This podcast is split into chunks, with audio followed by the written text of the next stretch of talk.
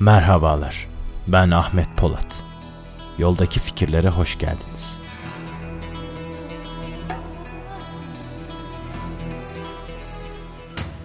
Bugünkü konumuz ahlaksızlaşıyor muyuz? Bunu biraz derinleştirmeye niyetliyim. Son dönemde biliyorsunuz bebek sahilde olanlar, sonrasında işte Kur'an-ı Kerim'i tekmeleyen gençler, orada burada çıplak çıplak dolaşan insanlar gerçekten saçma bir yere gidiyor durum. Zaten hırsızlık, kavga, nasıl diyeyim tartışmalar hırla gürle yani ahlaksızlığı tek boyutta değerlendirmemek lazım. Bunları da detaylandıracağız. Ahlaksızlaşıyor muyuz? Bunu nasıl çözümleyebiliriz? Neler yapmamız gerekiyor? Biraz bunları düşündürecek sorularla sizleri buluşturmaya niyetliyim. Hadi başlayalım.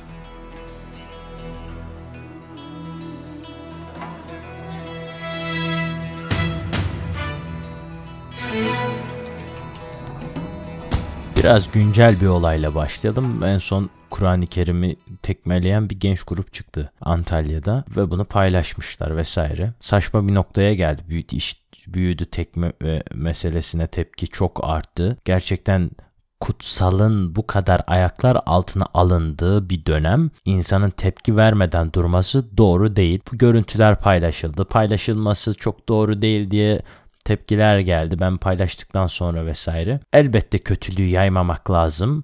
Elbette bunu normalleştirmemek lazım ama bu bu şekilde paylaşmak normalleştirmiyor arkadaşlar. Öncelikle bunu söyleyeyim.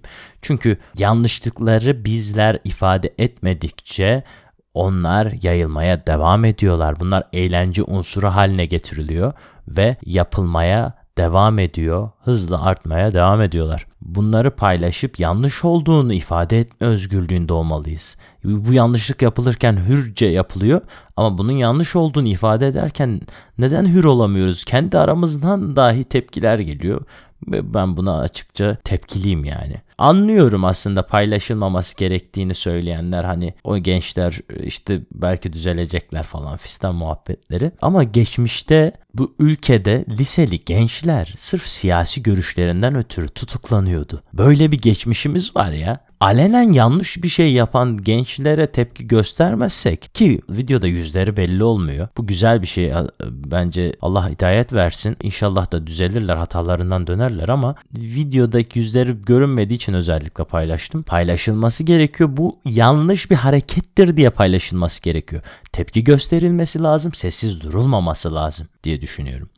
Bu mesele güncelliğini belki yitirecek, unutulacak, gidecek ama e, nice sapkınlık, sapıklık e, ve yanlışlıkla yine yüzleşeceğimizi öngörmek çok da zor değil. Allah sonumuzu hayretsin ama gerçekten bu saygıyı yitirmememiz gerektiğini, bu saygı çerçevesinde davranmamız gerektiğini en azından biz kendimize hatırlatmalıyız. Bakıyoruz sadece tepki verip geçmekle olmuyor. Bu görüntüler bizim görevimizi yerine getirmediğimizi ve yeni nesillere kutsallarımızın kıymetini öğretemediğimizi gösteriyor. Birileri inanmayabilir ama inananlara ve inandığı kutsallara saygı göstermek zorundadır bu insanlar. En azından bunu öğretmek zorundayız diye düşünüyorum ben. Çok şükür ki videoda dediğim gibi yüzleri görünmemiş gençlerin Rabbim hidayet versin. Bu yanlışlarından dönüp tövbe ederler inşallah. Ee, biz de sessiz kalmayıp paylaşıp bu saygısızlığı ve hadsizliği bildirmeliyiz. Tekrardan söylüyorum.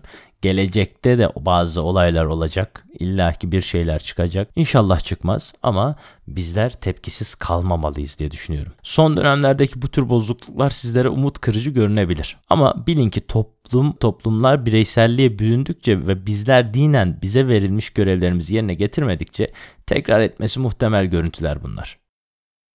Toplumda en azından kendi kutsalımızı koruyabilecek güçte olmalıyız bu kadar ayaklar altına alınmasına izin vermemeliyiz diye düşünüyorum. Sessiz kalmayıp olabildiğince doğruyu öğretmek zorundayız. Rabbim ıslah etsin. Gerçekten bu konuda sessizliğe bürünmek, tepkisizce davranmak bana acice ve korkakça geliyor açıkçası. Ben bu görüntüleri paylaştıktan sonra storylerde sizce suçlu kim diye bir anket paylaştım. Amacım şey değildi birini suçlu çıkarmak değildi. Zaten böyle basit bir amaçla güdüyor olamam. Ki bence böyle de anlaşılmadı. Hani şey seçenekler belirledim. Toplum mu suçlu, bu gençler mi suçlu, bu nesil mi komple suçlu, ve öğretmenler mi suçlu diye hani lisede geçtiği için. Öğretmenler şıkkı koyduğum için öyle tepkiler geldi ki bakın size abartmıyorum. 50'nin üzerinde öğretmenden mesaj geldi. Yok bizim etkimiz yok vesaire filana geldiler. Bahaneler bahaneler. Bakın öğretmenler gerçekten öğrenciler üzerindeki etkisini bence küçümsüyorlar. Birincisi bu. Bunu ön kabulle e, bitirmişler kafalarında. Ama bir öğretmen arkadaştan güzel bir mesaj geldi. Onu sizinle paylaşmak istiyorum. Bir öğretmen olarak yazıyorum bu satırları demiş. Evet günümüzde öğretmene bakış açısı bir hayli değişmiş olabilir. Kabul ediyorum. İnsanların etkilendiği çevre bir hayli genişlemiş ve sınırlar aşmış olabilir. İnternet ve sosyal medya aracılığıyla. Evet bunu da kabul ediyorum ama yine de haftada 5 gün 6'şar veya 8'er saat gördüğümüz öğrencilerimiz üzerinde etkimiz yok diyemeyiz. Bunu asla inkar edemeyiz. Sadece değişen ve zorlaşan hayat şartlarına biz de herkes gibi kendimizi fazla kaptırıp geçim derdine düştüm ve asıl görevimizi çocuklarımızı unuttum. Sadece saatimizi doldurup sınıflardan çıkma peşine düştüm ve sadece müfredatı yetiştirmem gerek diye düşünülmemeli. Sene dönem içinde konuları bitirme derdine düşülmemeli. Ahlakı, dini, peygamberimizi ve yüce Allah'ı anlatmayı unuttuk, önemsemedik. Evet belki tek hatalı biz değildik ama biz de hata yaptık diye yorumlarını paylaşmış Zöhre Hoca. Gerçekten de doğru noktalara değindiğini düşünüyorum. En azından öz eleştiri yapmaktan kaçınmamamız gerektiğini düşünüyorum. Buralarda çocuklara hata yüklemek, aileye hata yüklemek, topluma pas atmak, paylaşmak, bu hatayı toplumla bence kolaya kaçmak. Herkes görevini e, olabildiğince sahiplenmeli ve bu meselelerde çözüm odaklı yaklaşım sergilemeli diye düşünüyorum. Elbette sadece sorumluluk öğretmenlerde değil. Eğitim malumunuz aile içinde başlayan bir mesele ve çocukların nasıl gelişeceğini aileler büyük ölçüde şekillendiriyor. Bu şekli verirken toplum, sosyal medya, dış etkenler, çevre falan fistan bahaneleriyle aileler çok süslüyorlar ama öncelik verdikleri çocuklarındaki öncelik verdikleri durum nedir? Aileler bunu sorgulamak zorunda. Bizler çocuklarımızı, evlatlarımızı yetiştiriyorken ilk onlardan beklediğimiz, onların bize karşı yapması gereken sorumluluk olarak neleri görüyoruz? Bunları iyice sorgulamak ve onlara doğru şekilde empoze etmemiz lazım. Biz onlardan sadece akademik bir başarı bekliyorsak onlar da akademik başarıyı önümüze koyup istedikleri gibi davranabileceklerini düşünebilirler. Ve bunu da onlara biz empoze etmiş oluyoruz. Biz çocuklarımızdan insan olmasını beklemeliyiz. Değerlere saygı göstermesini beklemeliyiz. Beklentilerimiz bu yönde olmalı. Kendi değerlerimizi onlara doğru şekilde öğretmeliyiz. Topluma saygı göstermeleri, toplumdaki rollerinin olduğunu hatırlatmalıyız. Onlara bunları öğretmeliyiz. Önceliklerinin buralarda, bu noktalarda olduğunu onlara belletmeliyiz. Sorumluluk buralarda başlıyor. Aile olmak sadece onları besleyip büyütüp iyi bir okula göndermekle olmuyor. Sorumluluğu kendi üzerinde hisseden anne babaların sayısı gitgide azalıyor. Her şeyin üzerini bir şekilde bahaneyle kapatıyorlar ve çocuklarının çevreyle şekillenmesine müsaade ediyorlar. Sonrasında aman biz e, müdahale edemiyoruz, bizim başımıza çıktılar filan fistan. İşte sonraki nesillerden şikayet etmek klasikleri karşımıza çıkıyor. Bunları ben e, sorumluluktan kaçmak olarak görüyorum. Canavar nesiller yetişiyor bu şekilde. Sadece işte yedirip içirip oğlum kızım sen yeter ki şu okulu kazan şeklinde yetiştirirsek çocukları bu tür şeylerin çıkması çok kolay. Bunların çıkmaması anormal olurdu. Çünkü aile bu değil ki. Biz aile içerisindeki muhabbetlerimizi, sohbetlerimizi kaybetmişiz. Sonra da diyoruz ki toplumda muhabbet edelim, sohbet edelim.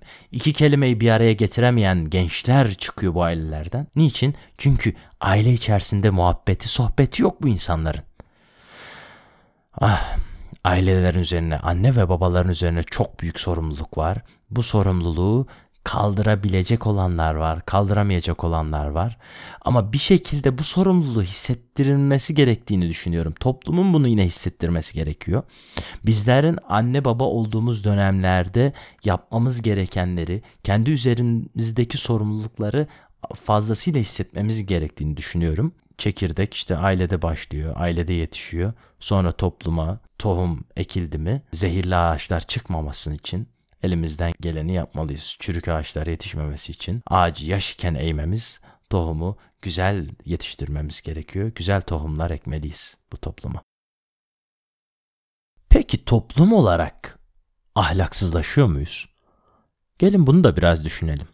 Ahlak o kadar geniş bir konu ki neredeyse her yeri kapsıyor, bütün hayatımızı kapsıyor. Ama nedense ülkemizde genel olarak cinsel yönde bir anlam yüklenerek yorumlama yapılıyor. Birisine ahlaksız diye hitap ettiğinde hemen akıllara bir cinsel yönde acaba ne yaptı diye soru işaretleri geliyor. Ahlaksızlık algısı toplumda bu yöne eğim göstermiş durumda. Halbuki ahlakın yelpazesi o kadar geniş ki sayfalarca yazılar ile anlatılsa gene de bir kısmı ancak anlatılabilir. Ahlaki değerler önemlidir. Böyle saatlerce konuşulur, kitaplar yazılır üzerine. Kimin için önemlidir? Bu kısım önemli bence. Aslında bu soru daha net cevap almamıza yarayacağını düşünüyorum. Ahlak kimin için önemli? Ahlakı nerelerde kullanıyoruz? Bunları kendimize sormamız lazım. Ahlakı ne kadar önemsiyoruz? Buralarda e, gezinmek gerekiyor zihinsel olarak. Mesela zenginlik bir ahlak göstergesi olarak lanse ediliyor toplumda. Oldukça lüks bir arabadan inen bir erkek nedense gözlere iyi bir imaj sergiliyor artık. Ağzından tek bir kelime çıkmasa dahi onun iyi birisi olduğu kanısına varıyoruz. Bunun sebebi diğer insanlardan farklı olması mı bilmiyorum. Düşünmek lazım. O lüks arabadan babanızın çıktığını, o pahalı lüks elbiselerin içinde annenizin olduğunu düşünün. Hayal edin. Aileniz bu şekilde olsa onlardan farkları olur mu böyle görünüş olarak? Bizler insanları dediklerinden çok artık görünüş olarak yargılıyoruz. Bununla ilgili yani şekilsellikle ilgili bir bölüm yapmıştım podcastlerin geçmiş bölümlerine bakarsanız yoldaki fikirlerde. Gerçekten üzerine düşünülmesi ve toplumsal algının büyük ölçüde nasıl bir şekil aldığını şekilsellik mevzusunu detaylandırarak ancak algılayabiliyoruz. Daha önce dediğim gibi bizler insanların dediklerinden çok artık görünüş olarak insanları yargılıyoruz. Mesleği ne olursa olsun İnsan kendi vicdanı ile hareket etmelidir. İşini düzgün yapan kişiler artık ülkede aptal olarak adlandırılıyor. Gerçekten böyle bir devirdeyiz. Yani adam işini yapıyor. Mesela e, süte su katmayan çiftçiye aptal mısın sen diye laf eder hale gelmişiz. Olumsuz olaylara yorum yapamaz ya da yapmaz hale gelmişiz. Yapmaz kısmı çok daha önemli. Bir insan bizlerden yardım istediğinde umursamaz hale gelmişiz. Öyle bir boyut değiştirmiş ki bu ahlaksızlık artık her anımızda kafamızı nereye çevirsek yanı başımızda olmuş. Bunların hepsi ahlaksızlık. Ahlaksızlık bana göre mesela sokak hayvanlarının suyunu dökmektir. Bu da büyük bir ahlaksızlık. Ahlaksızlık tanımadığı kişiye üstün körü yorum yapmaktır. Ahlaksızlık karşısındakini anlamadan dinlemeden hareket etmektir. Ahlaksızlık kendisini diğer insanlardan üstün görmektir. Ahlaksızlık aslında hayatın ta kendisi, hayatın tam içinde. Bunları çoğu zaman göz ardı edip biz hayatımıza devam ediyoruz ve hep de kendimizi ahlaklı konumda bulundurup diğer insanları o çerçeveden, o konumdan yargılama eğilimindeyiz. Çok güzel bir söz var, oldukça sevdiğim. Kötülük insanı ilk önce yüreğini ele geçirirmiş. Yürek bir kez kötülüğe tanık olunca zamanla körelip alışırmış. Anlayan aslında çok güzel bir söz. Vicdani açıdan hayvana işkence eden, eşini döven, kendi hayat arkadaşına karısına işkence eden bir adamın sizce ahlaki duygusu var mıdır? Sizce vicdanı var mıdır? Yüreği körelmiş bu insanların onlara bunun yanlış olduğunu deseniz bile emin olun duvara konuşmuş gibi olacaksınız. Çünkü bomboşu bakacaklardır. İnsan beyniyle düşünen, yüreğiyle seven birisi olmadıkça vicdan insana yaklaşmazmış. Kendinize sorun bu sorular. En basitinden en karmaşığına olaylarda nasıl davrandığınızı ele alın. Konumuz neydi arkadaşlar? Ahlaksızlaşıyoruz. Ahlaksızlaşıyoruz. Toplumumuz ahlaksızlaşıyor. Burada sorun nerede diye sormaya çekinmememiz lazım. Bizim bu ahlaksızlıktaki payımız nedir diye çekinmememiz lazım. Bunu sormamız lazım. Bizlerin görevleri neler? Hiç bunları düşünüyor muyuz? Habire eleştirip geçiyoruz. En ahlaklı biziz ya. Bakın bugün o Kur'an-ı Kerim'i tekmeleyen gençler yarın neleri tekmeleyecekler kim bilir? Kim bilebilir bunu? Bu konuda öfkeli olmamız lazım, tepkisiz kalmamamız lazım diyorum. Ahlaksızlığa zemin oluşturmak o ahlaksızlığa karşı göz yummaktır. Bunu unutmamamız lazım. Ama biz bunlara yüz çeviriyoruz ve sadece kendi hayatımız önemli olduğu için Sadece önem verdiğimiz şey kendi hayatımız olduğu için bize dokunmayan yılan bin yaşasın diyoruz.